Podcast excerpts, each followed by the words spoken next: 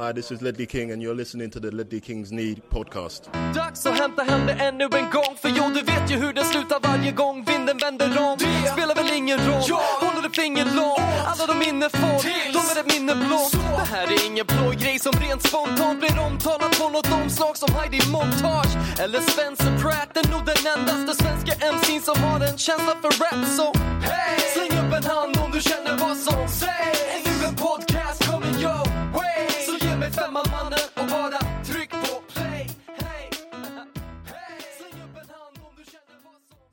Hej och välkommen till Lelle Kings knä, avsnitt 152? 3? Två. 2? Robin heter jag och med mig i Karlstad har jag Marcus Håkman. Yes. Och från Stockholm, Per Frykebrant. Ja men tjenare. Och från Igen. Eskilstuna, Alexander Berg Mattsson. Ja, oraklet Berg Mattsson. Tack. Mr Rabona, med andra ord eh, originaluppsättningen som ser eh, väldigt fräsch ut måste jag säga. Ja, men verkligen. Eh, det är lite, lite förvånad måste jag ändå säga över att, över att Håkman, precis som Erik Niva nu har skaffat frisyr. Ja, men det är väl någonting vi 70-talister, vi kommer på oss lite senare än alla andra, att man kan göra någonting med håret. Det är inte bara Ja. någonting man har, utan någonting man kan göra någonting med också. Det ser väldigt bra ut. Det som är tragiskt då att jag Jag som är att Din frisyr är 90-talist. lite, ja, din, det- din är lite mer frisyr än vad Erik Niva säger. Han säger ju, Ett försök. ja, jag ska inte riktigt kalla det frisyr, men i Erik Nivas värld så är det ju en frisyr. Det är liksom, det är ju, eh, han får ju höra det när han kommer hem att han har liksom flyttat till Fjollträsk och skaffat frisyr bara för att han har klippt lite kortare på sidorna. Ja, jag kan, alltså jag, så ni säger att Erik Niva har alltså en fade? Ja, han har Ja. en fade. Alltså, det är det sjukaste. Vilken jävla corporate sellout han har blivit sedan han var med i vår podd. Grad 4 på fade-skalan. Man har ju olika liksom så här, grader på fade har jag, har jag lärt mig. Jag tror att det är en ja, ganska ja, grad 4. Men du har väl också Ja. lite fade eller? Ja, inte, ja lite, men inte riktigt heller. Jag har lite korta på sidorna. Men Ja, men det, det är ju uppvuxet, det är ju uppklippt liksom. Men jag har också fade faktiskt. Ja, men jag, kör, jag, kör lite, jag kör lite mer Peaky Blinders-inspirerat. Ja. ah, cred, credit val där, credit val. Ni ser inte det här lyssna, men Håkman sitter ju här eh, i, eh, med hängslebyxor. ehm, och så har du även eh, knogjärn och eh, eh, ja, en Jag liten fin en- basker med någonting intressant eh, vast i sig. Så kan vi en gång för alla liksom säga att det inte heter basker också. Vad heter det? Det är inte basker i alla fall. Jag säger gubbcaps, men det heter du inte heller. Men basker är väl den här klassiska knoppen du har om du målar, målar och dricker rödvin i Paris. Liksom. Ja, du menar så? Ja. Mm. Har jag rätt eller har jag fel? Nej, men jag tycker att du har rätt. Det, det, det är ganska bra att du anammar den här stilen. För det, det känns som att ja, men nu i takt med att här, Leeds kanske är tillbaka i Premier League om inte allt så länge. Eh, det kommer bli den här nya, eller nygamla, liksom, eh, huliganismen igen. Vi, vi såg det inte minst i helgen. Det var ju väldigt mycket bråk efter matchen med sådana som såg ut så som Håkman ser ut nu i Citylägret. Eh, som gick på våra eh, eh, supportrar, fast som inte var huliganer utan det var ju liksom, de stod ju på kvinnor och barn och spottade på åt- åttaåriga flickor och liksom den typen av grejer. Alltså sånt, så, sånt som det känns som att Håkman gör. jag tänkte ju säga det. Det är den kategorin jag blev inbäddad i där. Ja, men det, är, det är fullt rimligt. Du läser mig som en öppen bok. ja. Det Ja, sjukaste i den där berättelsen är ju ändå att City alltså har, har supportrar som är beredda att bruka våld i sin klubbs namn. Det är ju helt sjukt. Ja. Jag visste inte ens att de hade supportrar om man ska vara helt ärlig. Ja, men det är lite, lite dit jag vill komma. Det- Det här fick mig att bara tänka på en tweet jag såg eh, som kommer vara jättesvår att, att söka fram nu i veckan. Men det var eh, the top 10 eh, biggest English clubs. Eh, och då var i, de liksom typ topp 6 platserna var ju ungefär som man kan eh, vänta sig. Och då, då är det här ur ett liksom historiskt perspektiv ända från ja, fotbollens begynnelse på något vis. Eh, Leeds och Nottingham var ju med på den listan.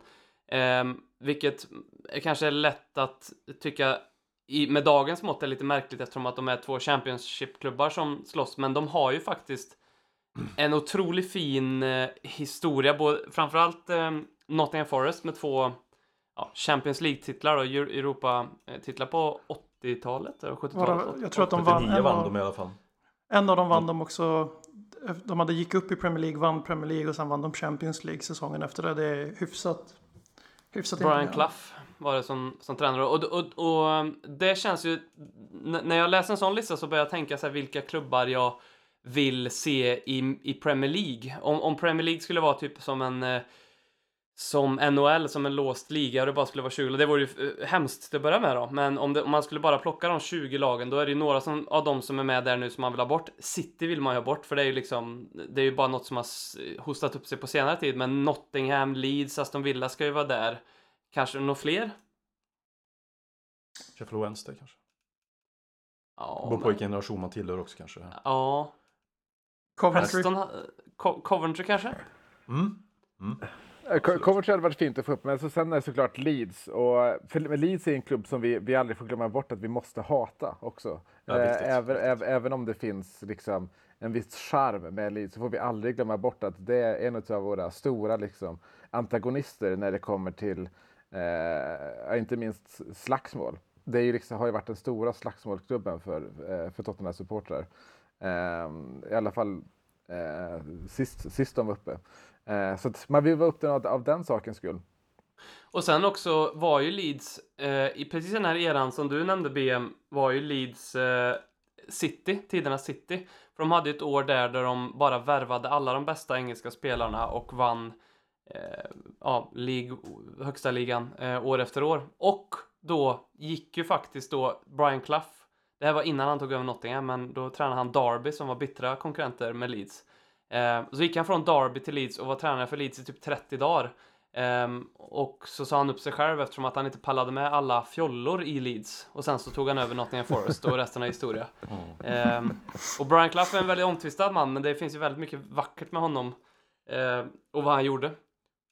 Ja, han drack också en del öl. Han drack väldigt mycket öl och som också blev hans, tyvärr, tidiga död. På slutet som tränare i Nottingham så var han väl mer packad än eh, någon annan tränare någonsin har varit på en tränarbänk, tror jag. Troligtvis. Ja, det, är väl- det finns några vackert i det. Men idag Leeds- sitter vi och dyrkar att Maurizio Sarro tuggar på cigarettfimpar liksom.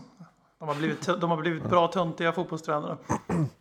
Men menar, Men han, han, han, gick alltså till, eh, till Leeds, blev hatad för det, sig efter 30 dagar för att de var fjollor. Ja. Det är ju, det är ju, det är, det är ju, det är världens bästa trollning. Det, fi- det, finns en, Ja, eh, det finns en väldigt bra film om det här faktiskt. Eh, som är baserad på en bok. Så den, den kan jag verkligen tipsa om att se. Ehm, om det här, han bara fick nog. Alla spelare var ja, divor. Men det, det går inte att jämföra med vad han hade tyckt om fotbollsspelare idag. Så på ett sätt, så hopp, No alltså, skönt för han att han är död på det här sättet. Kan du, tänka dig, kan du tänka dig Klopp tränare till 8 Mendy? Den här filmningen han gör på Rose i straffområdet igår som är liksom helt Ja. bisarr. Han hade ju hade inte klarat det. eller Han hade tänk inte dig Brian Clough lägga ut texten om Neymar eller någonting efter den sommaren. klarat- Oh. Du får fem minuter i Sky Sport här, Brian Clough, lägg ut texten om Neymar. Det är, ungefär, det är ungefär som Roy Keane, han lägger ut texten om Jesse Lingard, de här spelarna. Det är ju ändå lite roligt tycker jag. Oh.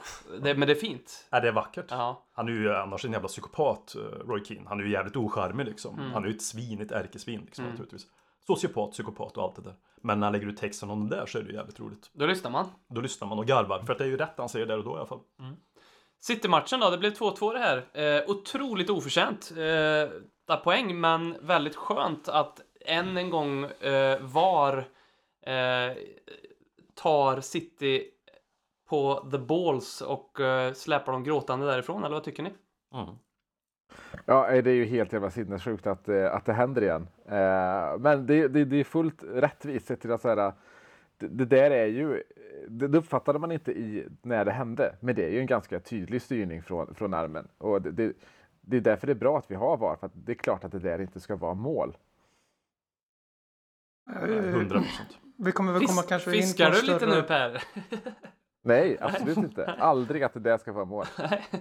Vi kanske kommer komma in på en större diskussion gällande var, var det lider, men eh, det här är ju faktiskt ett exempel på om nu var tvunget ska användas, vilket det kommer att göras, den kampen är redan förlorad. Så är det här ju ett exempel på när VAR funkar som det ska. Domaren dömer mål, eh, cirka, ja, först fick Jesus dansa ett par minuter, han tycker ju om att fyra mål. Eh, väldigt länge, väldigt överdrivet länge. Och oftast är han ju ett, ett par meter offside när han gör sådana där sambadanser vid hörnflaggorna. Den här gången så var ju han oskyldig, men eh, han lär sig ju aldrig i alla fall, så mycket kan vi komma fram till. Men eh, här var ju VAR klev in, sa domaren du missade ett, ett regelbrott eftersom det är en ny regel i år att eh, man, så fort eh, en offensiv spelare använder armen på något sätt, medvetet och omedvetet, då blåser man. Han begår då med ett regelfel domaren och var att plocka bort målet. Det är liksom inte så mycket att orda om även om Pep inte har läst regelboken när det passar honom. Det är ganska kul att Gabriel Jesus målgest, eh, han eh, gör ju en telefon. Eh, och det anspelar på att han eh, ringde upp, upp en tjej som han ville bjuda ut eh, innan han blev, slog igenom som fotbollsspelare. Hon nekade honom. Och sen så när han slog igenom och gick till City, eller slog igenom, men han gick till City i alla fall, så hörde hon av sig och ville ha en andra chans. och då har han dissat henne. Eh, och så gör han den där målgesten. Och nu är det ju lite grann som att han gör det här målet, gör målgesten och sen så kommer VAR in och dissar honom. Vilket gör att nästa målgest borde från hans sida vara någon form av liksom eh, VAR-grej istället. Och får man ju hoppas i alla fall. Då har han ju en röd tråd i sitt eh, firande på något sätt. Ja, det, det, skulle, det skulle faktiskt hedra honom lite grann. Mm. Ja, men nu borde ju den här tjejen, hennes eh, tecken borde nu vara VAR-tecknet istället. eh, för att liksom säga, sluta cirkeln. Är det hon som vann nu egentligen, den här tjejen, på något sätt? På ett sätt, Det ja. var det ju. Just nu är hon slut, i ja. överläge. fall. Ja, så är det. Ja. Det här måste vi, vi måste kolla upp vad hon heter och så måste vi gratulera henne på, eh, på Twitter i samband med att vi, att vi lägger upp det här Se avsnittet. om vi är etta på bollen där också. Kanske många som har en... Har den här typen av eh, VAR-situationer en påverkan på er när ni ser på fotboll och det blir mål att ni liksom håller tillbaka ert firande ett par sekunder för att ni väntar på en eventuell VAR-check? Ja, lite faktiskt. Faktiskt, Inte. tyvärr. Lite, någon promille, alltså någon, några procent i mig. Speciellt i... eh, Det beror på vad det är för typ av mål. Är det skott utifrån till exempel som, inte, som, alltså som Harry Kane gjorde både 2-1 och 3-1 mot Aston Villa. Det säger ju sig själv. Men när det blir så här var, tilltrassade situationer. en av dem var ju offside-vibb på i och för sig. Ja, jo. Men ja, jag tänkte inte på det själv då i alla fall. Då. Nej, men jag är likadan där att eh, det är inte varje mål, nu ska vi inte överdriva, men viktiga mål för Tottenham som till exempel 3-2 mot Ajax. Jag vågar ju, alltså, jag, vågar ju liksom jag, inte riktigt, alltså man går ju in i psykos för det så man funkar som supporter fortfarande i alla fall. Men någonstans i bakhuvudet så gnager det på mig att var det där offside nu då eller var det en hand eller en offensiv frispark? Och eftersom alla ligger i en visas med att använda VAR på lite olika sätt också så vet man ju aldrig riktigt vad vad de faktiskt kollar i VAR. Premier League har ju en annan linje än andra ligor exempelvis. Där man ska försöka minimera användandet av VAR. Ett exempel är ju att i vissa ligor och turneringar så kollar man om målvakten tjuvstartar på straff. Och ligor gör man det inte, utan då kollar man istället om, de, om försvarande lag eller anfallande lag tjuvstartar in i straffområdet och allt vad fan de håller på med med den här jävla skiten. Mm. Ja, alltså i, i takt med att liksom fotbollen och teknologin i fotbollen utvecklas så kommer även liksom, känslostormarna förknippade till fotbollen att, eh, att förändras lika så. Men det är inte på något sätt att det är liksom, mindre känslor kopplat till det nu. Det är snarare tvärtom. Det är Det andra är dels känslor. att säga det. Exakt, det är dels alltså att man blir förbannad när vi släpper in det här målet och tänker det är klart som fan. Sen så får du en till känslostorm 20 sekunder senare när du ser att det är bortdömt. Så egentligen får vi liksom mer känslor inne i sporten än vad vi hade innan. Sen får man alltid det att man kanske håller sig tillbaka lite grann, men på det stora hela, nej, inte, det är inte färre känslor här i. Vi får ju mer och det är det vi vill ha i fotboll. Ja, kul perspektiv. Jag... Alltså har inte jag tänkt. Men jag, Nej. min grundstomme VAR är ju ja, I don't approve i Mm. alla fall. Liksom. Så. Alltså, Och det är, så, det är ju jag svårt inte, för, att inte förvånad alls. nej. inte ett dugg. Det är, inte, det är inte svårt att tänka tillbaka till. För det här målet, det var ändå så här, det var svårt. Matchen igår var svår känslomässigt på det sättet att vi var så jävla utspelade hela tiden och det var okej då. Efter 2-2 i 20 minuter så är det väl hyfsat jämn fotbollsmatch som det borde vara på Etihad borta. Där City är bättre men inte som den jävla demoleringen det var i åtminstone 60 minuter. Eh, men det var svårt liksom när, när, när 3-2 kommer. Då, det, min enda tanke är ju egentligen att ja, det är klart som fan att när man till slut fick upp lite hopp om att vi faktiskt skulle sno en poäng i den här matchen. För mig var det när Shinchenko uppenbarligen blev skadad och fortsatte spela. Fan nu, nu tar vi poäng. Nu kanske vi till och med tar tre poäng för nu kan vi utnyttja att de inte har någon vänsterkant. Men vi, det gjorde vi inte av någon oförklarlig anledning. Vi satte inte Lukas på Shinchenko vilket var helt obegripligt men skitsamma. Eh, och så kommer 3-2 och då tänker man ja, det var ju jävligt typiskt nu när man precis hade börjat tro att vi kanske skulle få en poäng från det här rånet. Och sen eh, när, när situationen med VAR, det är ju så rörigt så att inte ens kommentatorn på plats uppfattar att det håller på att hända. Så man fick inte riktigt den här oh, som man Nej, fick när det, nej, var, exakt. när det var i kvartsfinalen i Champions League. När det var, blev liksom när Eriksen bestämmer sig för att sänka laget i, en, i, ett, i sin iver att lämna oss antar jag. Så då var man ju hyfsat eh, känslosam båda gångerna, framförallt när det blev no goal. Då fick man ju tillbaks det här, alltså knäglidandet mm. ute i vardagsrummet liksom. Mm. Inte... Ja, jag om att det, det, var inte riktigt så optimalt så som det var här i, liksom, när man satt i tv-soffan. Det var eh, väldigt oklart vad det var som, som gällde. Nu sen när man ser liksom, eh, i efterhand på det så ser man ju så här, när, när de svenska kommentatorerna liksom börjar tveka kring om det var mål eller inte, ja, men då hade det redan varit uppe på storbild inne på arenan att det inte var något mål. Eh, så det var, det var väldigt, eh, väldigt eh, konfunderat där eh, ett tag. Men, men på det stora hela, vi ska vara extremt nöjda med den här poängen. Det kommer nog vara en eh, väldigt viktig poäng i, i slutändan. Eh, och jag, jag, tycker att vi såg eh, väldigt tajta ut defensivt. Eh, det, det, det, var inte alls det, varje gång vi möter liksom den här typen av lag som City och Liverpool som har liksom världens bästa rörlighet i anfall så känns vi alltid som liksom eh, med kor som precis släppt ut på grönbete. Vi har inte en aning om vad som händer. Men jag, jag kände mig aldrig riktigt så här obekväm när, när City hade bollen. Det kändes, för, ja, det kändes helt okej okay, defensivt. Mm. Eh, och det var ju också Visst, det såg inte, vi, vi lät City dominera, eh, vi hade inte mycket spel, men det var ju ett sånt, eh, det var ett sånt lag vi ställde upp med. Eh, vi ställde upp med ett extremt kompakt lag. Det här, det här, så som matchbilden såg ut var ju i princip det som var vår taktik.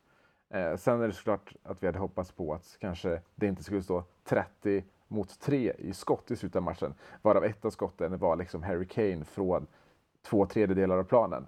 Eh, men eh, ändå, Pock vann lite grann den här matchen ändå.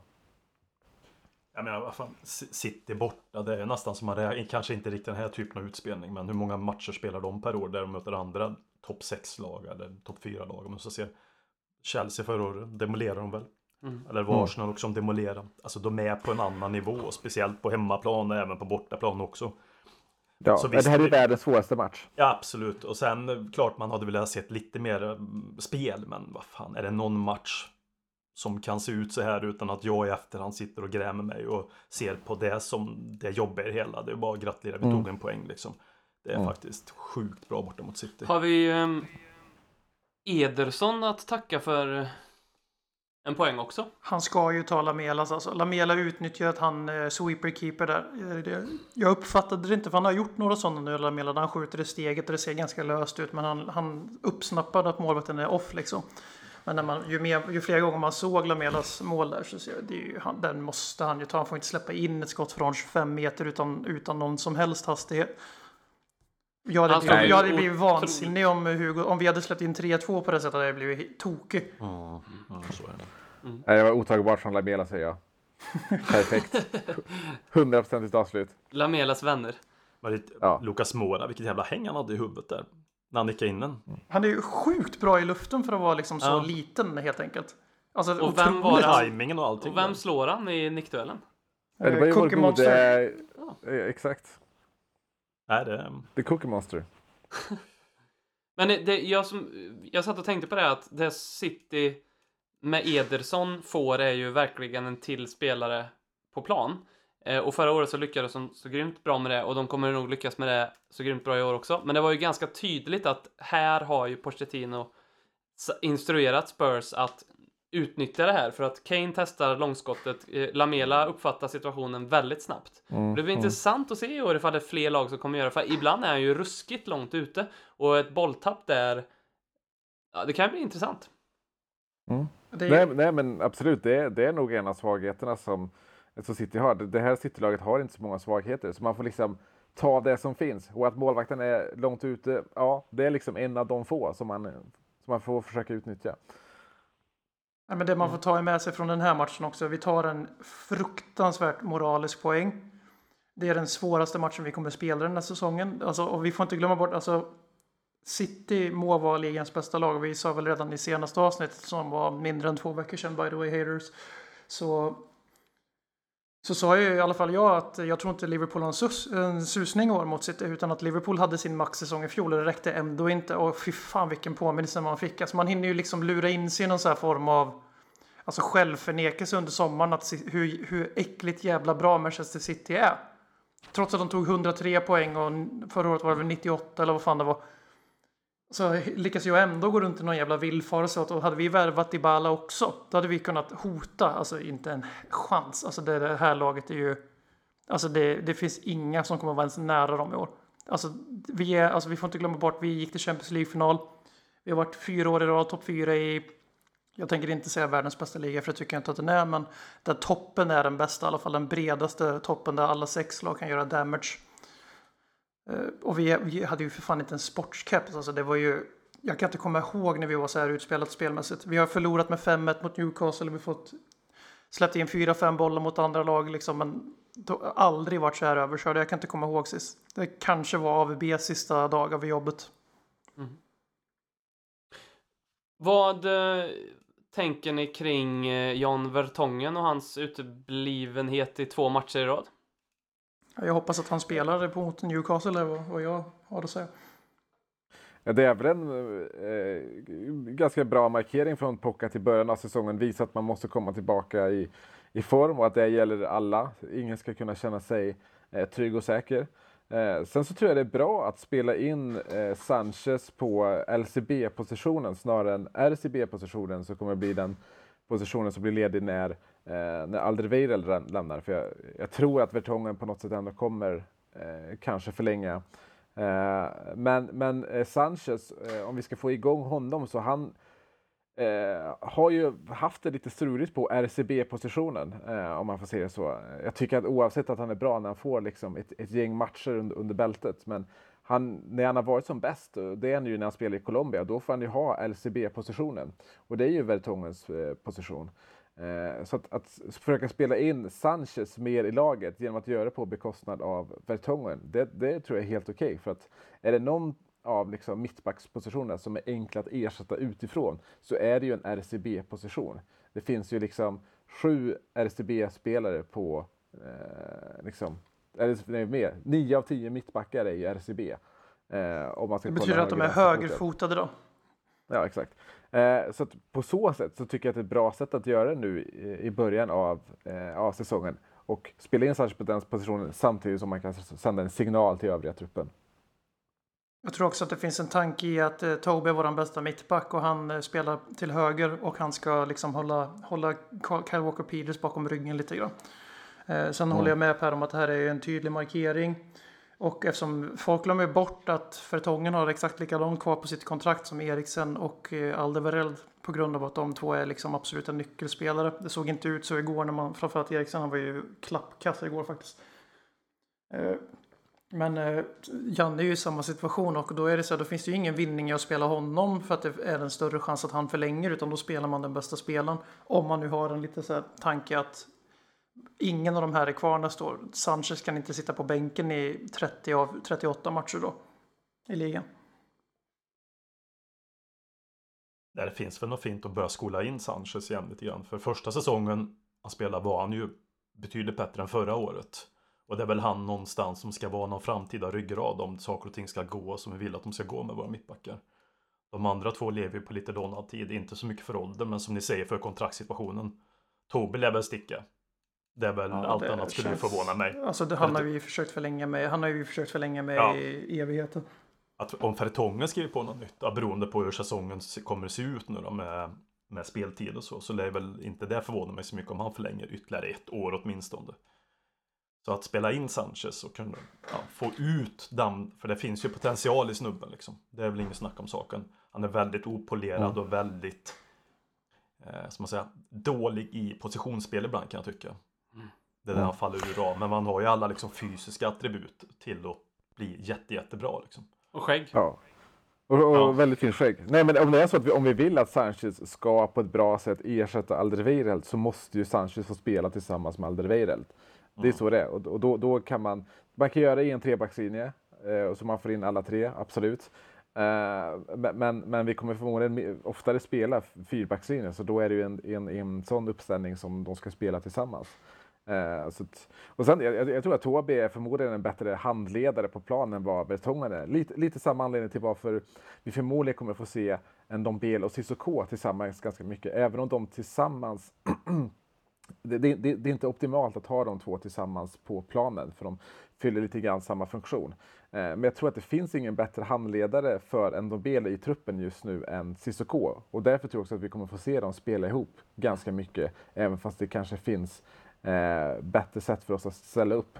Eh, det är en sån där, det, det är så det ser ut i början av säsongen. Man, man får liksom eh, spela in vissa, eh, vissa spelare, då måste man ta vissa, eh, vissa uppoffringar med det också. Och försöka hitta den rätta balansen också på något sätt. Mm. Alltså spelare som mitchmatchar med varandra. Jag tror ju också att Harry Wings passar mycket bättre med någon utav de två liksom. Jag tycker det... Det, det, är han får spela nu också säkert. Vanligtvis är det så. Igår tyckte jag, all, alltså, säga, alla var dåliga igår. Så jo, jo. Det är liksom alltså, ingen, en, men, en men, diskussion men, som är större det, än City-matchen liksom, tänker jag lite grann. När vi pratar ja, om balans. Och, och, Wings, Wings kommer ju, är absolut självklar i, även om vi kör 4-2-3-1 eller om vi kör 4-3-3. Mm. Förhoppningsvis 4-2-3-1. Men i en match som igår så mår vi ju bättre av att ha Cissoko i den positionen än Winks. Och jag tror också att när vi kommer komma in i de här större matcherna under säsongen, eh, att vi kanske kommer få se Cissoko i det som är Winks-positionen. För vi blev väldigt tunna med Winks igår. Det är bara att titta när vi byter ut honom efter 55 minuter så skitsamma är att eh, Lucas Moura gör mål direkt när han kommer in. Det, det har inte till saken att göra egentligen men Porsche anser alltså att det är värt att offra en sittande mittfältare. Det säger väl egentligen allting om vad Wings tillförde igår. Jag mm. förstår självklart tanken att ha både honom och Bele på mittfältet för båda två är väldigt duktiga bolltransportörer och framförallt är de trygga i att vårda boll även under press. Eh, vårt bollinnehav var högre än vad jag trodde.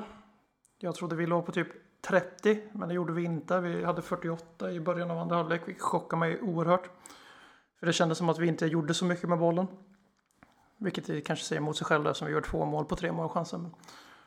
Eh, det som var upplyftande att se tycker jag, det var att Ndombele var tydlig med att ta redan i sin andra match för klubben så tar han ganska stort ledaransvar försöker lugna ner sina lagkamrater att inte skeppa iväg bollen hela tiden. Mm. Han hade några utskällningar av framförallt Sanchez där han undrar vad fan slår du iväg bollen för? Jag står ju här, jag finns ju här. Han vill ha boll hela tiden. Han är inte rädd över att han har någon i ryggen liksom.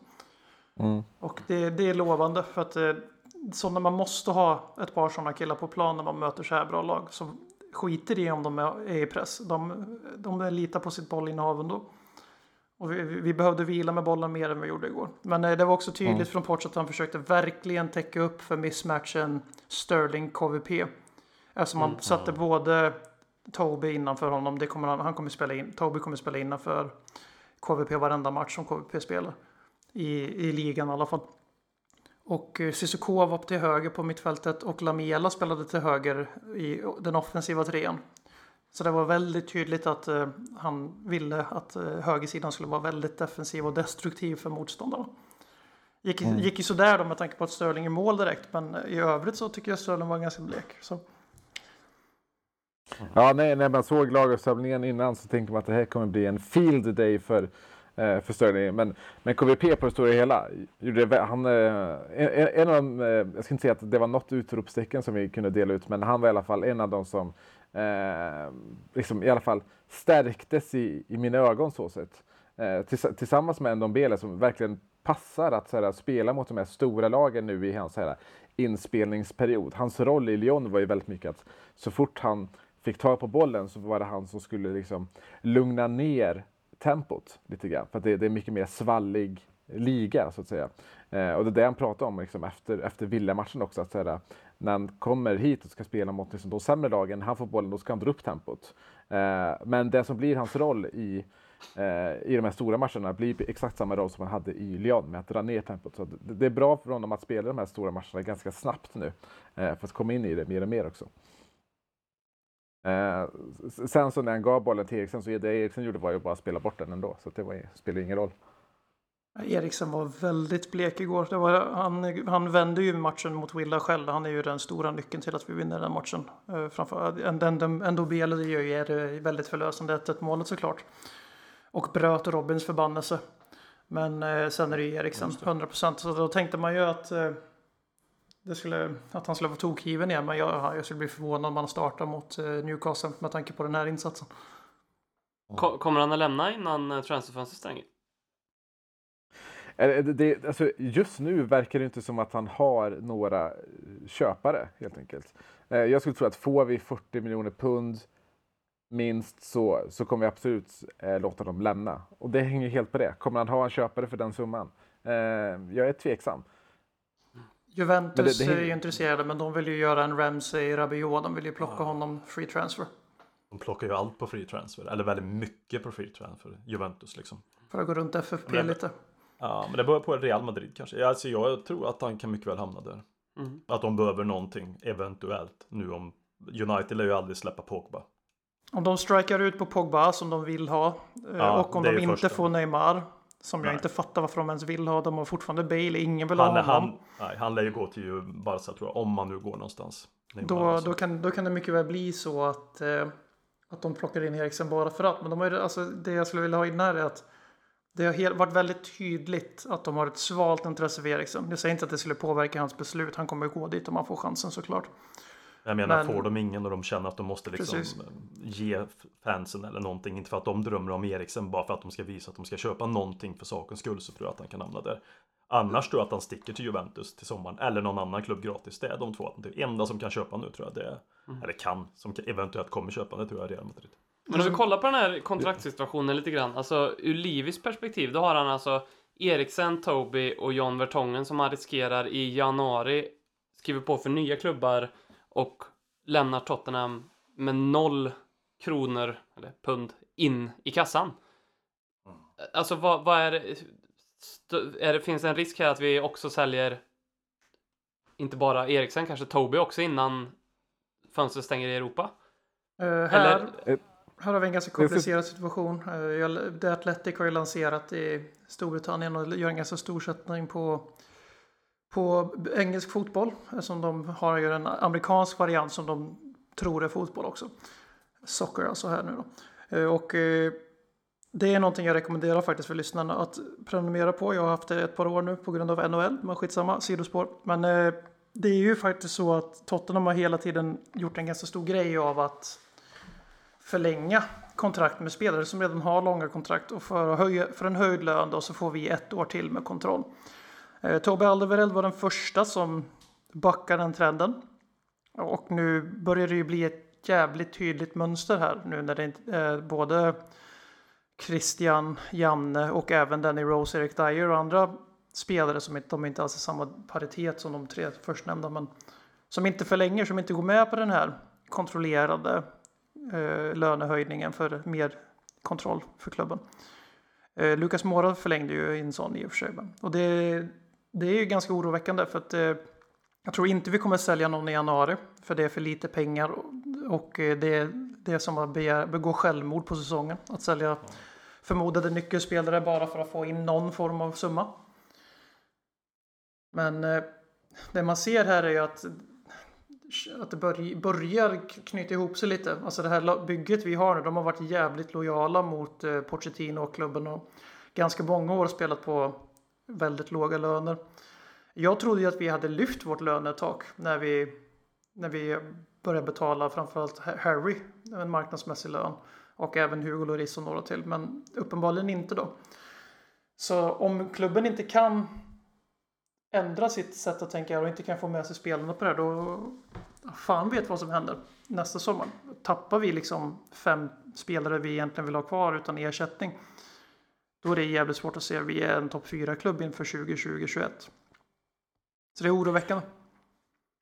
Ja, alltså, jag ska säga, vad, vad är liksom Jan Fertongen? om man, om man ska kolla liksom den ekonomiska aspekten det. Jan Fertongen, för det första tror jag att han kommer att förlänga, men det, det är en spelare som vi inte hade fått så mycket pengar för. Jag tror att det gör inte så ont i livets hjärta att, att, att släppa Jan Vertongen. Vi snackar liksom Korselny-pengar för Vertongen. Man måste också Det tänka på vad, de kostade när vi köpte in dem, vilket ingen av Toby, eh, Christian eller Vertongen kostar ju en krona typ med dagens marknadsvärde. Alltså 12 miljoner pund betalar vi för Toby. Det är egentligen vad vi förlorar om han går gratis. Precis. Och med, och med Toby så tror jag vi gärna hade sett att någon hade aktiverat hans klausul. Men ingen vill ens lägga 25 miljoner pund på, eh, på Toby. Och då blir det ju liksom 25 miljoner pund, ja men då är det faktiskt värt att ha kvar dem. För förmodligen kommer vi kunna generera mer pengar via att gå långt i CL, få en bra placering i ligan etc. etc. Fullständigt enig. Där det, faktiskt, där, där det faktiskt skulle spela roll rent ekonomiskt och det skulle göra ont för Livi är ju om Eriksen eh, lämnar gratis. Livi kommer aldrig tillåta det att hända. Nej, det, det är den, det är Även den, om det är det- den enda alltså- spelaren som det är så för. Av alla som är i den här kontraktssituationen. Till och med de som har två år kvar nu då. Jag håller med dig 100%. Det är den enda spelaren Ja. som bryter det. Det, det är den enda som jag tror, och det, det, det är en prestigegrej för, för Livi. För, men Eriksen var ju, i början av sommaren var han en 100 miljoner pundspelare.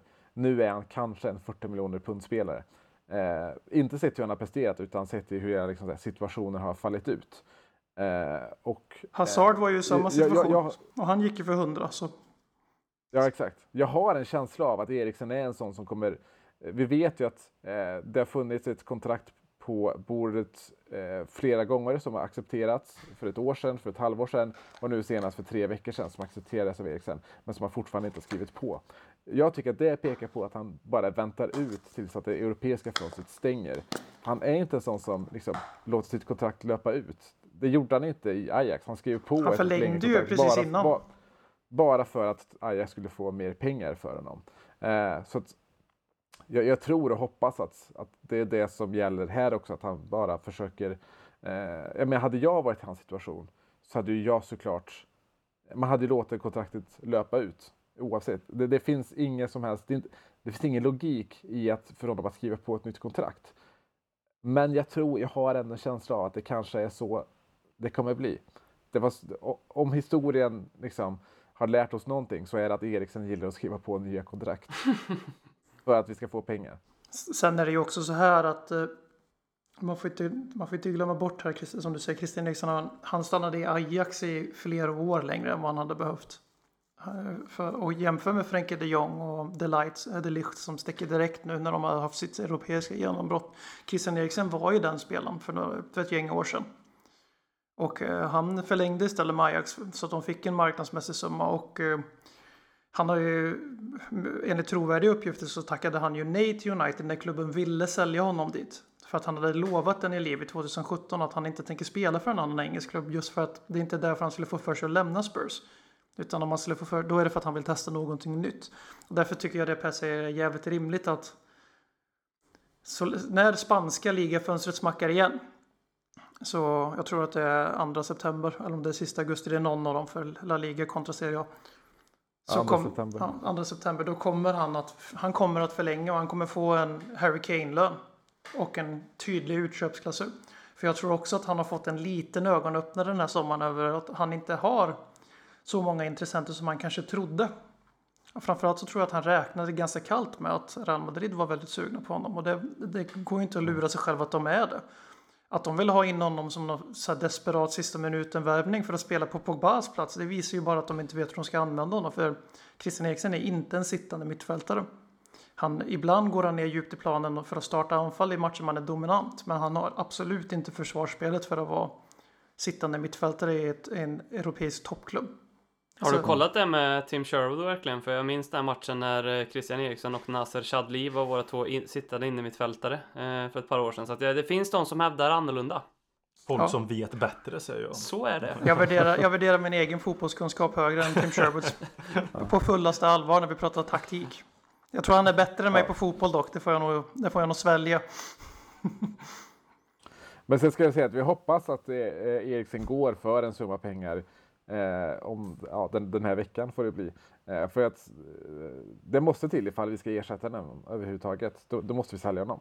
Eh, annars kommer vi inte ersätta honom när, han, när kontraktet går ut. Det kommer bli en budgetersättning. Pochettino har ju varit väldigt tydlig med att det är sådana här processer på gång bakom kulisserna. Och han har ju sagt fyra, fem gånger redan nu att truppen är unsettled och den kommer vara så tills alla transferfönster stänger. Eh, Och det är ju Danny Rose. Han var ju tydligen på Wat- Watfords träningsanläggning på deadline day, vilket är det dummaste jag hört från klubben, men skitsamma. Eh, I den här sommaren. Och sen eh, Christian. Toby tror jag inte vi kommer släppa. Jag menar Roma ville ha honom desperat. Alltså de är så desperata för en mittback så de gick från Toby till Dejan Lovren. Men de vill inte betala 15 miljoner. De vill inte betala 20 miljoner pund för Toby ens. Utan de, deras bud låg på 18. Den smällen kommer vi ta. Christian Eriksen smällen kommer vi inte ta. Men jag hoppas att han förlänger istället så vi får tillbaka kontrollen. Men om klubben slänger fram 195 000 pund i veckan för att han inte ska matcha Harrys lön. Med en utköpsklausul på skamliga 50 miljoner pund nästa sommar utanför England bara för att betala tillbaka för hans lojalitet. Och han fortfarande tackar nej. Ja, då kan klubben faktiskt inte göra någonting och det måste man som supporter förstå ibland att man kan inte göra allt. Ger man ett sånt här, för det här det jag presenterar nu det är ett jävla skambud ur klubbens eh, perspektiv. För det är ganska många miljoner pund alltså, om du räknar 200 000 i veckan. Om han inte tackar ja till det, ja men vad fan ska vi göra? Alltså man, det finns faktiskt gränser och i Tottenham är gränsen ganska tydligt Harry Kane. Ingen kommer någonsin tjäna mer än honom. Det var därför jag vägrade tro på de här Paolo Dybala löneuppgifterna och om de stämde så hade Harry Kane fått en hyfsad löneförhöjning. För ingen kommer tjäna mer än honom i Tottenham. Punkt. Nej. Så här får man också tänka sig ja, men en, en löneförhöjning till 200 000 pund i veckan. En skriva på liksom femårskontrakt. Det, det blir ett kontrakt som, eh, som blir värt lika mycket som att värva spelare för 100 miljoner. Och hade, hade vi värvat Christian Eriksen idag för 100 miljoner? Nej, det hade vi inte gjort. Nej, det tror inte jag heller. Precis. Det jag säger, det är ett skambud från vår sida bara för att få säkerställa att vi får en summa pengar för honom nästa år. Mm. Men jag vet inte.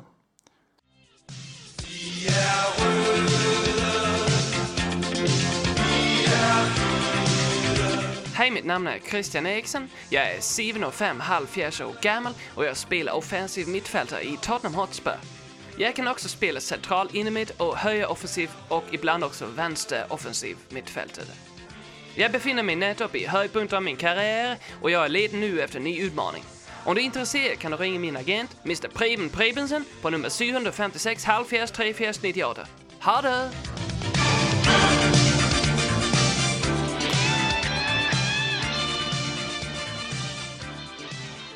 Åkman, är du nöjd med transferfönstret? Ja, men det blev jag till sist.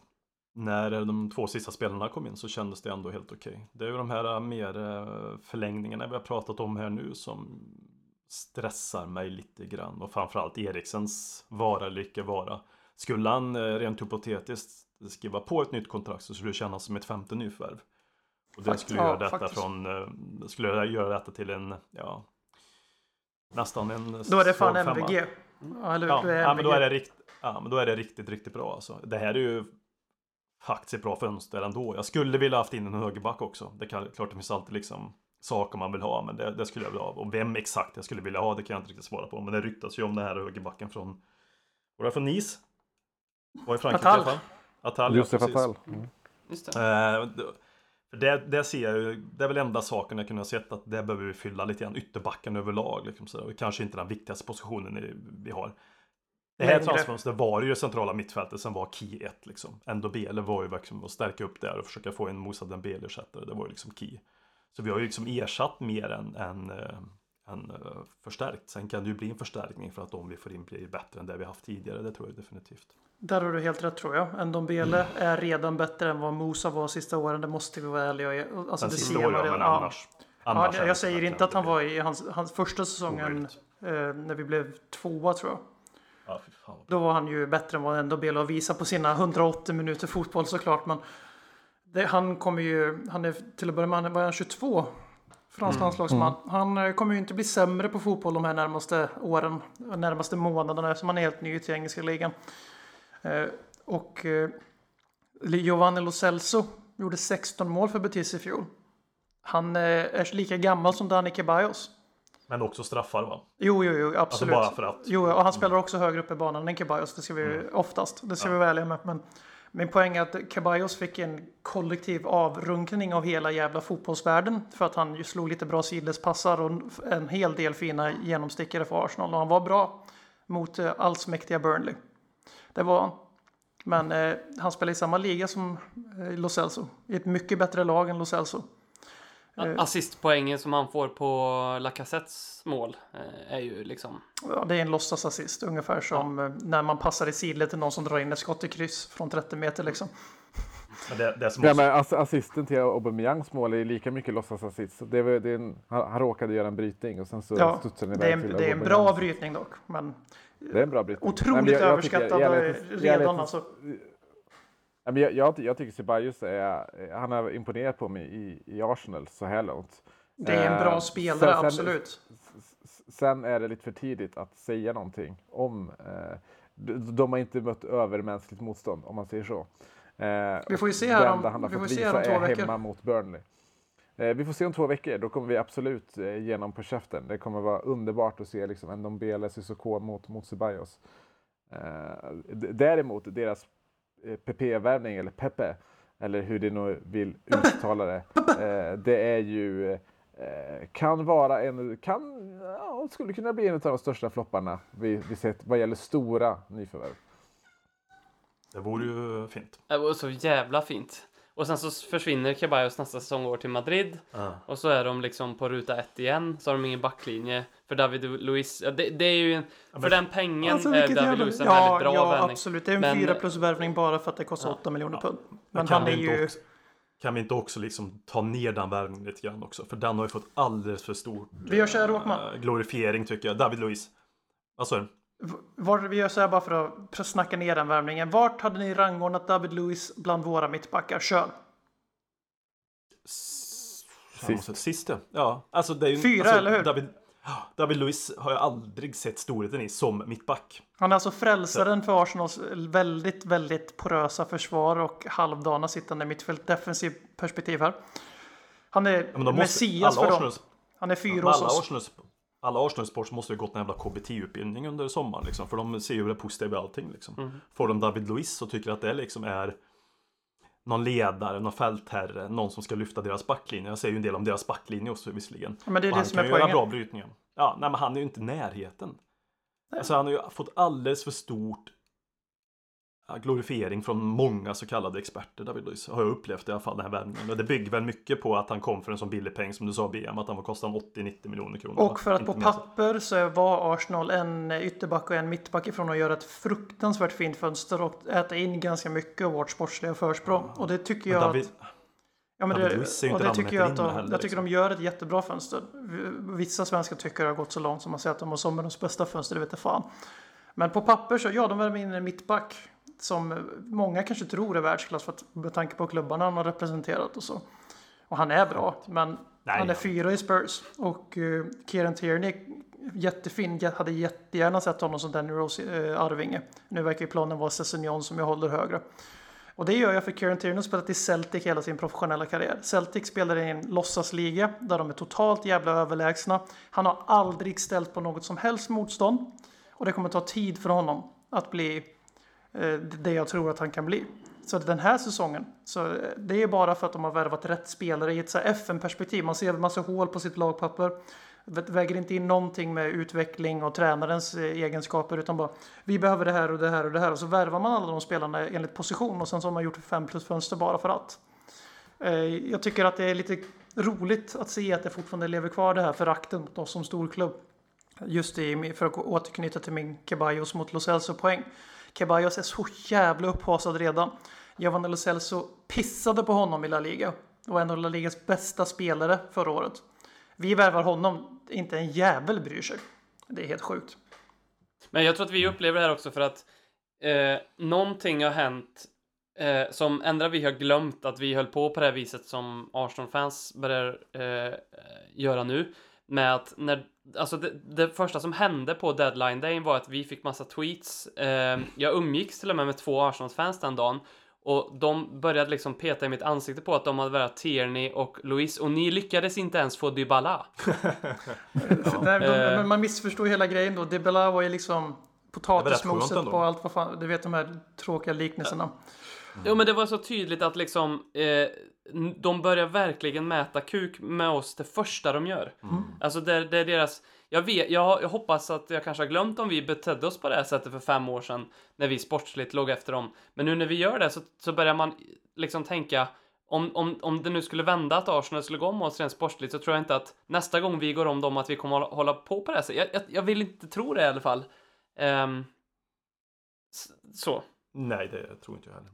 Vi är bättre människor i grunden liksom allihopa. Ja, vi är inte dumma i huvudet. Nej, det, vi har bättre, bättre värderingar, det är all, allting. Gener. Allt, allt, Allting är överlägset mot, mot Arsenal-supportrar. absolut. Men det, det som är bra med sommarfönstret också, det är ju att det känns ju snacket under sommarfönstret som att Pochettino har fått väldigt mycket av det han ville ha. Väldigt Det är exakt de man vill ha. Man ska tro han Så jag Dan menar- Kilpatrick som är Ja, beatwriter och han skrev i maj liksom. De här spelarna vill Pochettino Ja. ha. Han fick alla Sen fyra. kanske han har liksom Mm. hittat någon under resans gång. Och, men han har ju fått väldigt mycket av det han vill ha i alla fall. Och det gör mig väldigt glad. Och då får ju han förhoppningsvis rätt ännu mer utveckling på de här herrarna. Och de passar in ännu bättre. Och får vårt lag att bli bättre för att de ska passa in i helheten på ett fint sätt. Jag tror att Okej, så har jag jättehöga förväntningar på. Jag har Mm. inte sett den speciellt mycket. Jag har sett den lite grann. Men det är en spelare som ja, har tagit mig redan lite grann till hjärtat. Och har höga förväntningar på så att säga. Är samma sak naturligtvis. för att han är från eh, Argentina då. Man, man, man får inte misslyckas som argentinare i Spurs. Det bara är så. Man gillar ju Argentina. Alltså, Jag, jag tänkte på en sak på villamatchen och det är, det är extremt tidigt på en säsong att komma med en sån här spaning och reflektion. Och det är, en, är även extremt tidigt efter två matcher och Robins hot takes. Du, du, du, Ja, du, när, speciellt när det är City-matchen som är en extrem match. Ja, Eh, jävlar. men det jag, det det jag funderar lite grann på det är vad som är i spelet eh, som tar oss till nästa nivå. Vilka nyanser är det i spelet som kommer att vara det som definierar den här säsongen? För om det var någonting förra säsongen som, som eh, i alla fall gjorde mig väldigt frustrerad så var det vår oförmåga att bryta ner lågt sittande lag. Vi blev idélösa och eh, vi, vi slutade springa, ta rätt löpningar, vi kom inte igenom det och det, så såg det ju faktiskt, alltså jag, i 70 minuten mot Aston Villa när det stod 0-1 så liksom för min egen svits skull och men också för spelets skull så tänkte jag så här, vad, vad fan har vi inte, har det inte hänt någonting på den här fronten från förra säsongen? Återigen, jag vet att det här är väldigt tidigt att säga så, men, jag, men känner ni att liksom vi, har de här spelarna liksom potentialen att ändra det där? Vi har, Ndombele har vi pratat om att han kan driva bollen på ett helt annat sätt eh, än vad Cissoko och Winks kan göra. Vad är, vad är, så kan ju göra samma sak. Ja, som Lo Celso- min, ja. är min upplevelse. Att han är Sessignon är också en explosiv spelare. Det. För, alltså, jag tror vi tappar mycket med... Alltså vi hade ju ett ytterbackspel för två, tre år sedan när de var på sin peak, Kyle Walker och Danny Rose, som var... Ja, de ägde ju sin kant helt enkelt. Ägde fullständigt sin kant och vi hade ett pressspel centralt på banan. Erik Dyer och Dembele passade ju jättebra ihop liksom. Dembele fick ju alla att växla upp, växla upp. Vi hade ett innermittfält som var jättefint och vi hade ett ytterbackspel som var jättefint. Det var de två positionerna, eller fyra då kanske man ser, som har varit det vi fallerat på. Och en Harry Kane som varit nedkörd och allting. Jag tror väldigt mycket på Harry Kane. Jag tror att ändå B eller Cissoko kan återta ett mittfält när det kommer till pressspel. Jag tror att Harry Wings kan förhoppningsvis växla upp och få, alltså vi kan hålla i taktpinnen lite grann också längre fram. Och Lokell så tror jag kan vara också driva upp bollen. Det är ytterbackarna som jag är lite orolig för fortfarande. Att vi inte kan liksom fylla på på det sättet och pressa upp lagarna med ytterbackarna. Vi har inte den kvaliteten. Inte högerbackarna i alla fall. Jag tycker att Jag, vi... jag tror, ap- Kör du Per. Ja, Ja, men jag tycker absolut att vi, vi eh, eller tror absolut att vi kommer ha mycket enklare att bryta ner bottenlag i år än vad vi hade i fjol.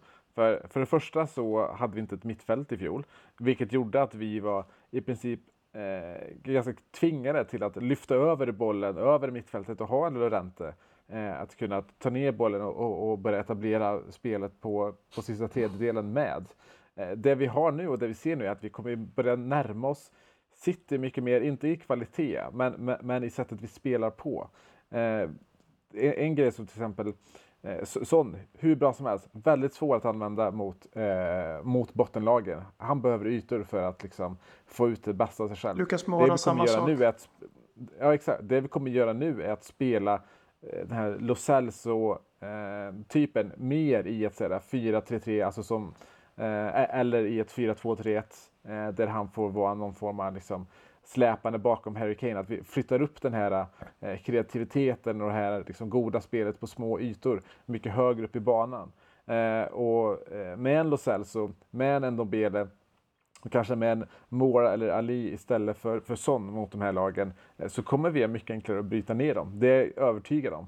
Eh, sen så såklart, alltså vi, vi kommer ha ett mittfält i år som vi inte alls hade i fjol.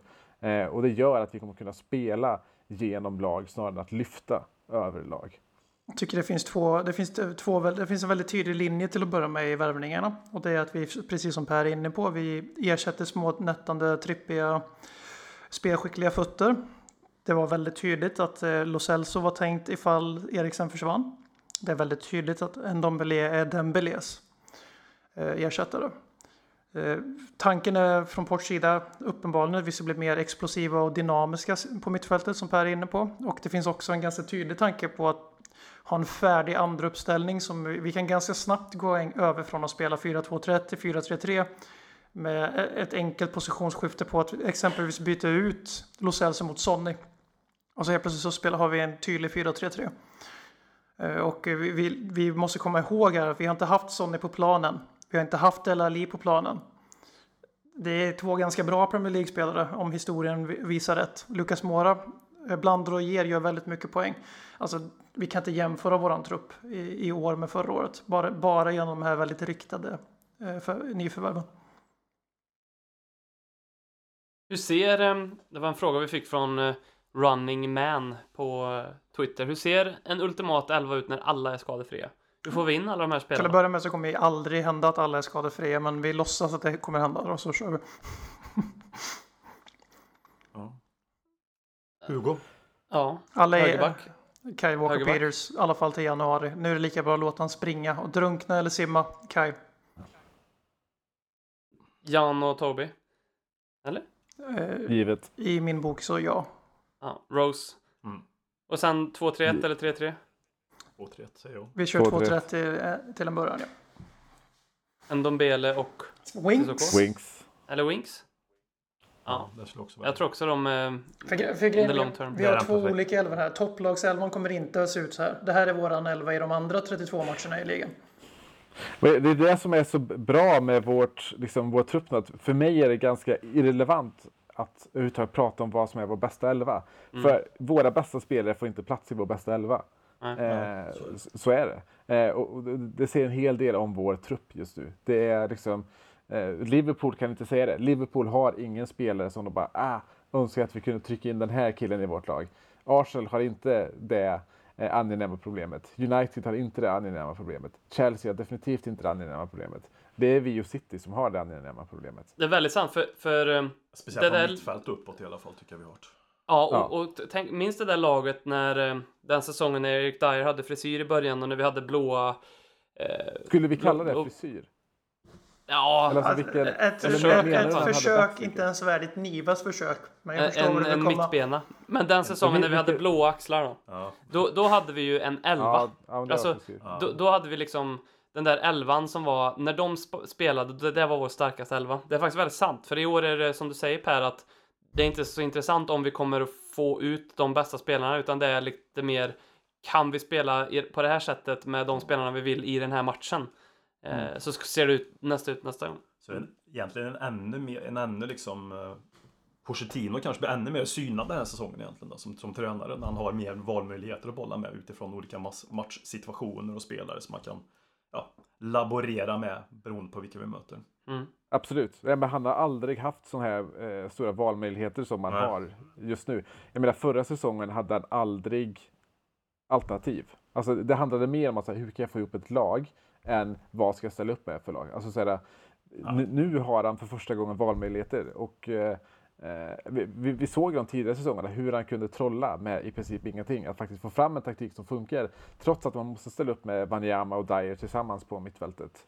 Eh, nu, kan, nu har vi faktiskt valmöjligheter. Och det, eh, så såg man, man kanske lite grann såg, eh, även om vi såklart inte har fullt lag än, så kanske man såg lite tendenser till det i den här City-matchen. Vi väljer att spela ett, ett väldigt smalt, eh, ha en väldigt smal uppställning, ha en väldigt kompakt uppställning.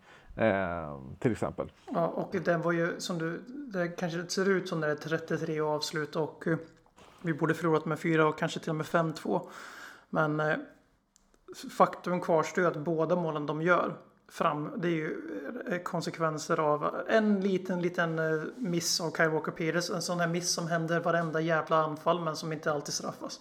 Samma sak med Davy, han borde, han borde tagit bort den där ytan på 2-1. Men vi glömmer ju gärna bort när vi tittar på fotboll att motståndaren finns också. Och alltså det De Bruyne gör på de här två assisten, det är ju sån jävla världsklass och man kan fan inte alltid försvara sig mot allting. Ibland är bara motståndaren fantastisk och gör någonting jävligt bra. Och därför får vi ändå ge Ports eh, taktik mot City godkänt minst. För att man kan inte gardera sig mot att en av världens bästa spelare helt enkelt som Gareth Bale gjorde ett par hundra gånger sådär, vinner en match själv. Sätter ett skott från 30 meter i krysset. Vad fan ska din taktik göra åt det? Så att det, Nej, men båda, båda, båda Citys mål, det är liksom... Det, det var en freakshow av, av eh, De Bruyne. Alltså det, det går inte att göra sådana passningar. Alltså, första assisten är helt otrolig. Det går inte. Det går det gör inte. man. Så att eh, jag håller med dig liksom att City, City krävde liksom ren och skär magi för att penetrera vårt oss. försvar.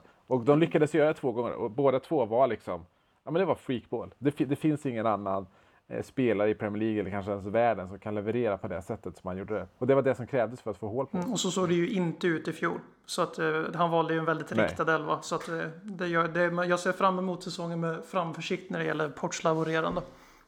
Han beter sig inte som en man som tänker att han ska flytta någonstans nästa sommar om man säger så när han håller på och bygger ett helt nytt Tottenham. Nej, definitivt inte. På tal om eh, ren och skär magi, hur kommer eh, våran nya arena att hjälpa oss i år? Ja. Vi har ju en hemmaplan igen för första gången på ganska länge. Det ska bli intressant att se hur det eh, liksom tar uttryck. Det känns spontant som att det är en konkurrensfördel och en hemmaplan för första gången på två säsonger. Känns det som en hemmaplan tycker ni än så länge? Absolut. Alltså att det är verkligen hemma, hemma, hemma, hemma, hemma. Absolut. Verkligen. Nej, Förstår du vad jag menar? Det är ju hemmaplan, nej. Jag är också, alltså, det tar ju ett tag, nu har inte jag varit där än. Men alltså nu är det bara liksom när man sitter och tittar på tvn. Alltså, än så länge är jag inte riktigt vant med att det här är. Jag fattar ju liksom ett logiskt det är vår hemmaplan. Det känns betydligt mycket mer hemmaplan än vad Wembley gör och allting där. Men jag är inte på White Hart Lane nivå. Sen är det ju inte så viktigt vad jag känner jämfört med vad spelarna känner. Men ni förstår min...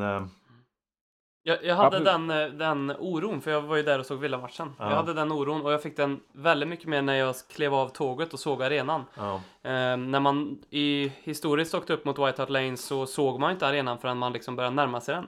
Här såg man den som ett stort jävla UFO och det kändes, ja, men som oftast nya saker gör, lite konstigt och obekvämt. för jävligt helt enkelt. Ja, och, och jag gick tog ett varv runt arenan innan match, många timmar innan, och, och hade den oron i kroppen att oj, tänk om jag går in här och känner wow, vilken arena, men det här är ju inte Lite. Spurs, liksom. Ja. Sen så kanske fyllan hjälper till eh, med sånt. Eh, men det som jag framför allt som var faktiskt den första grejen som slog mig, det var att det kändes som White Hart Lane.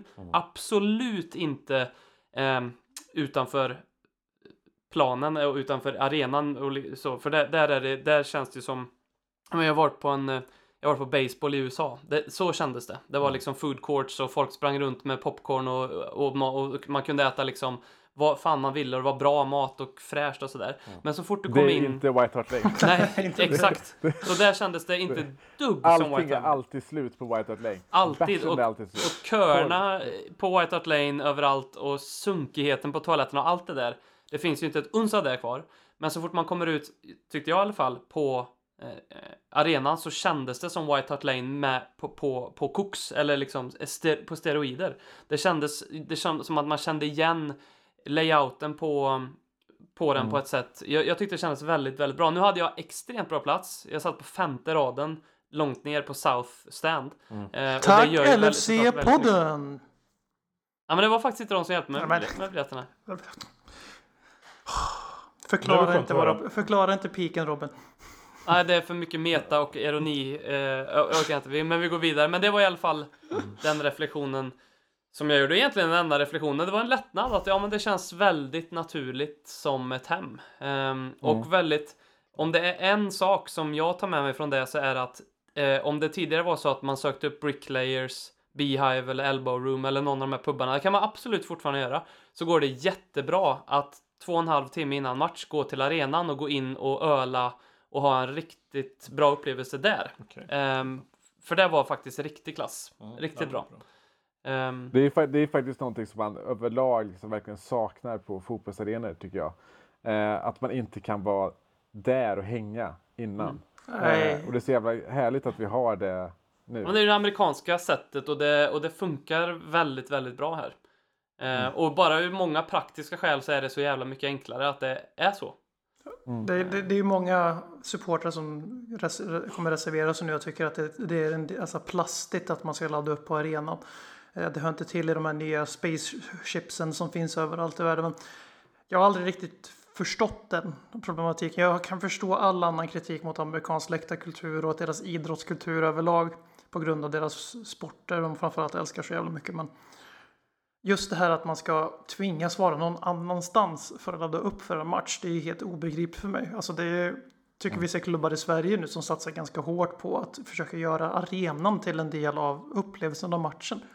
Va- Varför ska man liksom dröja sig kvar utanför arenan så, så länge man bara, bara kan för att sen pysa in, kanske plocka på sig ett par bärs och sen sitta på sin stol i 90 minuter och sen gå därifrån direkt. Alltså, det är ju det är slöseri med pengar. Alltså, vart träffar man fans och vart träffar man sina bröder och systrar? Jo, på, på arenan. Där de alla älskar samma lag, de alla har samma religion. Så det, det, det här låter ju bara för mig som att eh, klubben har fattat att det kanske borde vara så här istället. För att man ska gå till de här. Och det, det, det är extremt bra, för det, det, det är inte som att säga det är ett nytt sätt att tänka generellt kring nya arenor. För även nya arenor som byggs nu byggs på liksom, samma sätt som det har varit förut i det med liksom, eh, eh, eh, ölförsäljning etc. för att få folk att stanna. För jag, jag, var- jag, var, jag var på, eh, jag var på Champions League-finalen och på, eller på Atletico Madrids På Vanda i Metropolitano. helt, helt, helt nybyggd arena. Och jättefin arena, alltså när du ser planen även om du står utanför arenan. Liksom, det är liksom, den är hålig så. Eh, jättefin, eh, jättebra akustik. Eh, men när du kommer in där och börjar liksom, visa biljetterna och ska gå in mot, mot läktarna så är det liksom, du går igenom två stycken stora tomma cementblock, liksom cementytor, där det är ingenting. Och sen så kommer du till, eh, till de här publikraderna och så är det liksom några små liksom korvkioskstånd. Eh, ja, men, men typ, tänk liksom Tele2 Arena. Det låter som, det stånd. låter som Där det är. Tele2 Friends på, med lite snyggare fasad. Exakt, och det här är liksom en helt nybyggd arena i liksom för, för en av världens största och eh, bästa klubbar. Och man har inte alls haft sa- samma tänk som, som Tottenham. Och så jag var glad. Fan. Tänk att gå på fotboll, liksom. hänga två timmar innan match på arenan, hänga två timmar efter match på arenan. Eh, finns ju till och med en nattklubb där. igenom matchen. Ja, men Det är jag väldigt nyfiken på hur de, om, de, om den är liksom öppen till tre på matchdagar. Folk, folk, folk super och stannar kvar. Liksom. Ja, ja, det ska finnas en nattklubb där läste jag någonstans. Det är helt sjukt. Det- det- Där tycker jag kanske att gränsen mellan det vackra som vi snackar upp. Det dör om det just med nattklubben. Jag, jag får så här Nej, vibb, alla, alla, alla fotbollsarenor ska ha en chambre separé. jag får vibben av så här folk som går in och köper en fyll eh, cheeseburgare på White Hart Lane eller på Tottenham Hotspur Stadium. Det känns, det känns bara Det konstigt. Man, vi får ju inte glömma bort att det också i, eh, i slutet av dagen är det som betalar eh, Tobis nya lön. Eh, att vi har den här möjligheten I också. Atletico Madrid nästa säsong. Cheeseburgarna.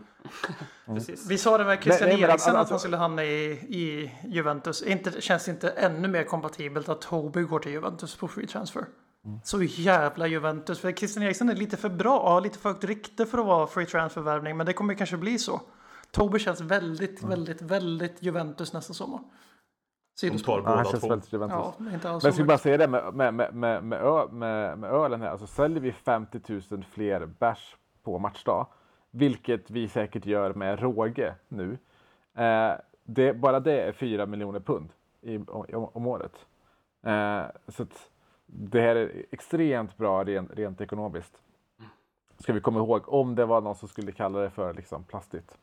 Vad, Eh, ob- objektiv du fråga, som gärna Robin. romantiserar det här Håkman lite grann. Vad, vad är din inställning till... Jag, jag, på någonstans så ser jag framför mig att du hellre liksom att det inte ens finns en arena runt en fotbollsplan. Att man, man, liksom, man går dit från att man har druckit hembränt hemma.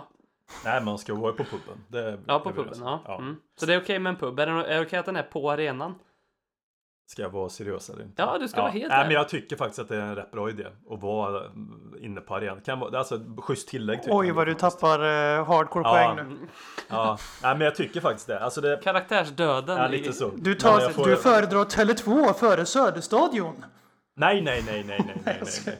Jag tänkte jag var inte tvungen, den delen. jag var Ja, tvungen att bygga försöker- upp din cred lite igen. Ja, nej men just det här, man kan hänga in på arenan eh, en timme innan matchstart. Man kan sitta och dra lite bärs. och Det tycker jag låter som ett jävla bra alternativ. Alltså. Att den möjligheten finns. För att det är ändå inne på vår arena där vi, vi spelar våra matcher. Ser inga konstigheter alls i det faktiskt. Tycker att det är Det enda, Det enda stället i England jag varit med om att man har kunnat göra det har ju varit på Craven Cottage och det är ju för att de inte har någon liksom Nej. Eh, den, den, anledningen till det är för att man serverar allting utanför arenan för att den är så jävla liten. Men Så att sen, man kan sitta på en parkbänk vid vattnet. Vi måste åka i år alltså. Allihopa. Förutom eh, Robin Ja. då. sen att det finns menyer liksom och mat och olika alternativ. Det är ju så det ser ut nu. Men det är ju, känns ju lite plastigt kan jag tycka. Ja, det ska inte du- finnas någon meny. Det håller jag helt Men med om. nykter, nykterister som BM uppskattar alternativ medan ni hellre ger alkoholhaltiga drycker. Och, så ska det, och sen det här var nya tappen, att det fylls på nerifrån. Det är jag inte heller riktigt bekväm med. Nej. Men vad, vad Jag måste bara om att vi sticka- har vårt eget bryggeri då? Att vi har vårt eget bryggeri? Ja men det kan jag vara lite charmig med. Jag måste bara är sticka in här. Fan vad Det är vi... vårt liksom. fan vad vi Allt som är sitter här Tottenham nu och liksom. försöker Så Det är liksom- samma sak att vi kan kröka inne på innan, eller träffas inne på arenan innan match också. Det är också charmigt liksom. Ja, fan, Det bygger ändå någonting. Det är ändå vår är arena, vår bärs. Jag Tycker ni inte så? Jag tycker det är lite charmigt att vi Absolut. försöker desperat få tillbaks lite av den här. För när vi började den här podden för sex år sedan drygt. Så var vi då var vi lite. Då var vi lite mer extrema i våra supporteråsikter. Då stack ju liksom Robin ut som en sån nagel i ögat för att han var rätt happy-go-lucky fälla liksom. Och Han, nu fick, han sitter, är fortfarande som en nagel i ögat. nu, nu sitter vi här liksom snackar upp här nya rymdskeppet. Man kan ju lyssna tillbaka på våra avsnitt där vi pratade om det i början. Hur skeptiska vi var. Eller när vi pratade om Stratford framförallt. Och allt det där. Men nu sitter vi bara. Ja, det är jättebra att ha mikrobryggeri. Det är jättebra att man kan sitta där inne tre timmar innan igen. Men det är inte bra att man har en meny. Eller att ölen fylls på uppifrån eller nerifrån. Det är inte bra. För att de försöker desperat rädda lite street cred. Och sen är ju inte arenan, arenan jag har ju inte sett en um, det har blivit så jävla... realtid framför mig. Men arenan utifrån, de är ju inte fina liksom de här arenorna kan jag tycka. Nej, det är de inte. Nej. Nej. Inne är en annan sak, men utifrån, jag tyckte det var mycket snyggare förut, speciellt i England överlag, hur arenan bara smälter in i liksom allt annat betong som finns där. Och det kan jag tycka är vackrare, mycket, mycket vackrare med White Hart Lane. Och White Hart Lane är eh, fortfarande, måste ju balansera upp det som du säger, en finare arena. Ja. Men jag tror de har lyckats väldigt bra med insidan. På, Min, min favoritarena i Premier League är Goodison Park just nu. Jag säger väl en del, men det här är ju av de alla moderna arenor Och så är ju våran Villa Park överlägsen. Ja, Men fan Robin, kan- Robin, kan du inte berätta lite mer om arenan så tar jag fram eh, handkrämen här. dra en seriös eh, betyg. Där 10 Ehm. Sissoko, 1 eh, vad du tycker om Erik Lamela egentligen. Jag gick in och en väldigt fin sak är att på The South Stand, som är våran utan etage, våran läktare. Det finns något ord för det där, jag vet inte vad, det, Oj vad vad, man oj, kallar vad en sån. nöjd eh, Håkman är att inte det är North Stand. Ja, det är South Stand där och det, det kallas ju någonting när en sån läktare inte har två etage, men jag vet inte vad det är. Ehm, och jag, av upphovsrättsliga skäl får jag inte heller ehm, säga det, men ehm, när man Image right. ja, eh, när man är där så jag stod hela matchen ehm, och det var ingen som sa till mig om det. Ehm, men det var också väldigt, väldigt bekvämt att stå. Det kändes som att man hade tagit till, ja men ni vet om ni är på bio och ni hamnar i en bra biosalong när ni känner att ni verkligen har utrymme för benen. Ehm, Oj, det här, det här blir den, intressant den typen av känsla. Ja, men när man står upp så gör ju det väldigt mycket för känslan, men, men inte på det här rymliga sättet ändå. Eh, det kanske låter väldigt eh, motstridigt, men det var bra både att sitta och stå. Ehm, egentligen vill jag bara att Per ska runka, eh, så att jag... Jag hoppas Får jag att sticka in med lite alltså. så här bara för folk som är oroliga för den här äkta brittiska som jag måste bara sticka hål på myten vi har. Vi är sv- svenskar, vi sitter i Sverige och pratar om det här med, för vi har en jävligt bra läktarkultur i Sverige, man är ju fostrad i den. Men jag, vill bara på, jag var på AFC Eskilstuna som har funnits i ungefär en kvart. De möter AIK. Vänta, vänta, jag ska bara ställa bort det förlåt, förlåt, förlåt. De möter AIK. Jag tycker om att gå och titta på det lokala laget här, stadens lag, när de möter storklubbarna. Eh, för det är bara då det är publik. Men skitsamma, jag sitter där på sitt plats med min sambo. De spelar så jävla hög musik så att alltså, det, det var alltså abs- absurt. Alltså det, man hörde inte vad man själv sa. För att det är ju så tyst där vet du. Och du pratar om att man fick stå upp hela matchen på en engelsk arena som är helt jävla nybyggd och bäst i världen. Vilka var, vilka var på besök sa du? AIK. Du sa tyst och okej. Mm. Eh, Och, eh, men det var för... Ja, fick du in den också. Eh, Och då är det alltså några... Först är det ett gäng fotbollsbarn alltså, så- som spelar av sig P12 och någonting. De står upp. Och då sitter det två män bakom mig och fy fan vad de gnäller över att de här barnen står. Matchen har inte ens börjat än. Och sen när matchen började står en man i andra halvlek som står liksom och försöker dölja sig så väl han kan. Men man har lite svårt att se hörnflaggan tack vare honom om man sitter där de sitter. Och de sitter svenskt som vanligt och väldigt passivt precis snackar massa skit om honom och skvallrar på honom till publikvärlden. Så liksom det är Sverige 2019. Och du säger precis att du var på Tottenham Hotspur Stadium och fick stå upp i 90 minuter utan att en jävel sa någonting. Tottenham är mer äkta än vad många svenska klubbar är. En AFC i Vackert. alla fall. Ja, det var ju tur det. är. Vi, ska vi avrunda med lite lyssnarfrågor? Jag, jag vill Låt bara oss. en, två minuter här Ja. bara.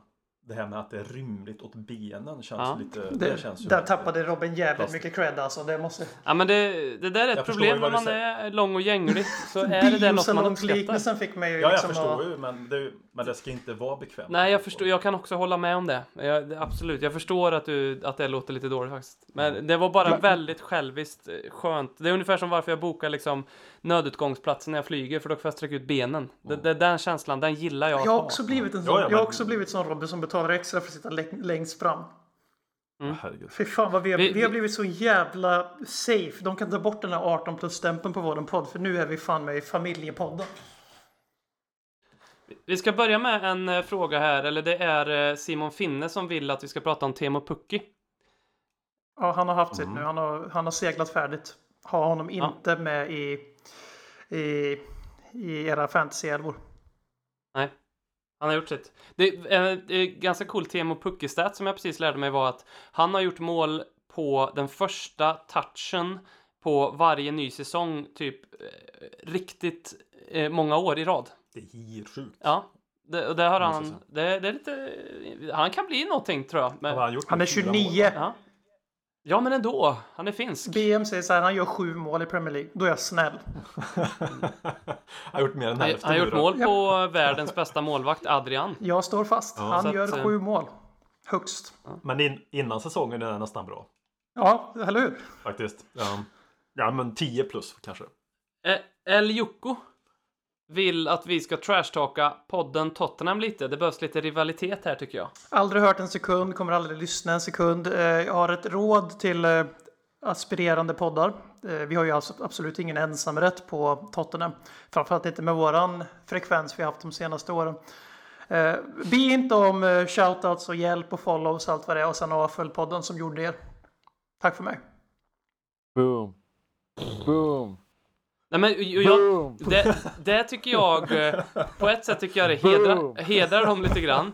För att det, jag minns den hybrisen vi hade i början. Ja, den är jättegullig. Ja, fast vi, men nu får, vi byggde allting själv Robin. De försöker, alltså alla poddar, nu, nu, nu kör BM. så, nu kör Alla du svenska. Tottenham-poddar. Nu är det Per, Per, Per, Per, köra. han, han, ta, ta tillbaka, Ja, nu vänta. Jag, jag, han kan här. runka upp den. Så här, vi, som jag säger igen, vi har inte ensamrätt. Den seriösa människan är, men nu, nu backar jag lite grann då. Jag tycker att det är skitkul att det kommer fler. För vi, vi hade lite tufft att få pusslet att gå ihop när vi alla flyttade överallt. Men när vi kom fram eh, så gjorde vi det helt organiskt. Vi har aldrig varit sponsrade någonsin. Eh, vi har svenska fans att tacka för mycket och att vi råkade tajma in podcastflugan. Och det finns ungefär 5 miljarder poddar. Jag förstår det. Men alla som startar den här svenska flugan? Tottenham podcast som kom upp till efter Ledderklings knä, eller ungefär samtidigt, för det fanns det ju också en. De rider på våra, vårat arv. För vi har redan cornerat den svenska Tottenham-publiken. Vi växte så mycket man kunde när man är ett enlagspodd. När man inte accepterar betting och all sån där reklam som alla gör.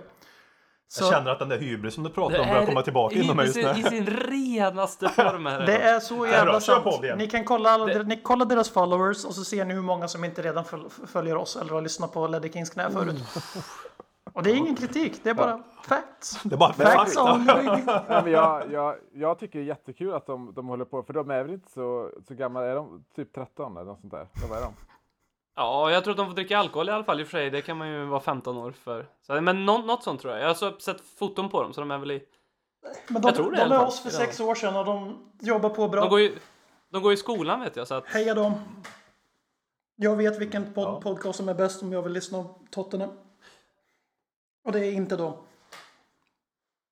Ehm, Lamela, totalt iskall två matcher i rad och sen göra målassist. Hur ska vi förhålla oss till detta? Skadan han gör när han spelar dåligt kontra mot produktiviteten av målassist av Rawhide. Eh, att du Eh, vågar. Jag har För- precis rantat nu så någon mig- annan får göra ska det. jag, säga, ska jag säga en grej? Ska jag säga en grej? Ja. För mig, Lamela är en utfyllnadsspelare. Han får spela när andra är skadade. Ja, det- håller med. Det är inget Alltså när alla konstigt. fiskar fyllan finns det, finns det ingen han skulle kunna utkonkurrera. Även ens om det skulle liksom... Alltså han gör inte någonting bättre än vad någon annan hade kunnat göra ännu bättre. I laget. Han är en truppspelare, punkt. Ja. Ja, det är svårt att säga. Men det, det enda man får slänga in där, och det är ju rantade jag så mycket om hur, hur stora vi är och fantastiska vi är. Eh, Vi ju, eh, och med Lamela är det så här, sanningen är det Per säger. Men sen är det också, jag aldrig, eh, kan inte komma på en spelare som blir så dubbelbestraffad som Erik Lamela. Alltså, när han inte gör poäng men sliter arslet av sig är svinviktigt för vårt pressspel och eh, jobbar stenhårt för laget. Lite som den där sittande mittfältaren i Tony Pulis Stoke. Då duger inte det. När han gör poäng, för han gjorde ganska mycket poäng i fjol alltså, före han blev skadad som han ofta blir. Och även säsongen innan det. När han bara gör två poäng mot Manchester City på fucking bortaplan när vi gör två mål. Då är han dålig på alla andra sätt. Alltså det, han kan inte vinna Erik Lamela. Det är därför vi har hashtaggen Lamelas vänner. Mm. Och vi har även hashtaggen Parrots pågar som jag hoppas eh, snurrar. Du ser jätteförvånad ut just nu Håkman. Jag bara känner att referens man aldrig kan vinna, det symboliserar livet lite grann också på något sätt. Sådär. Ja, det, det, jag tror det är därför vi älskar honom, förutom Robin. Jag, jag älskar Ja. inte heller jag, Jag skulle säga att jag är kanske den största Lamela-vurmaren i det här rummet. Ja, det, det var in, jag, har, ni, har, Sprätt lätt. har någon någonsin sett Håkman hashtagga Lamelas vänner? Nej, det tror jag inte. Men, eh, Men eh, jag gillar hans slit.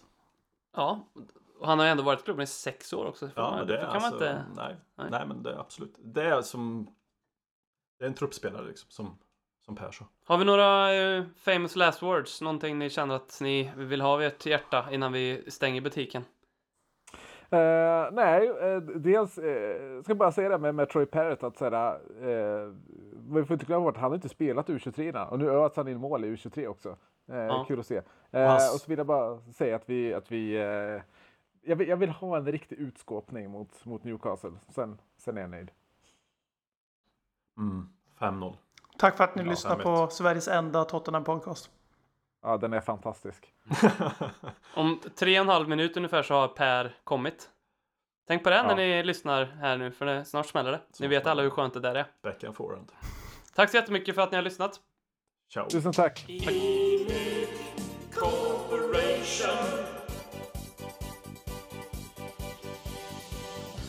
Are you looking for a stable financial partner?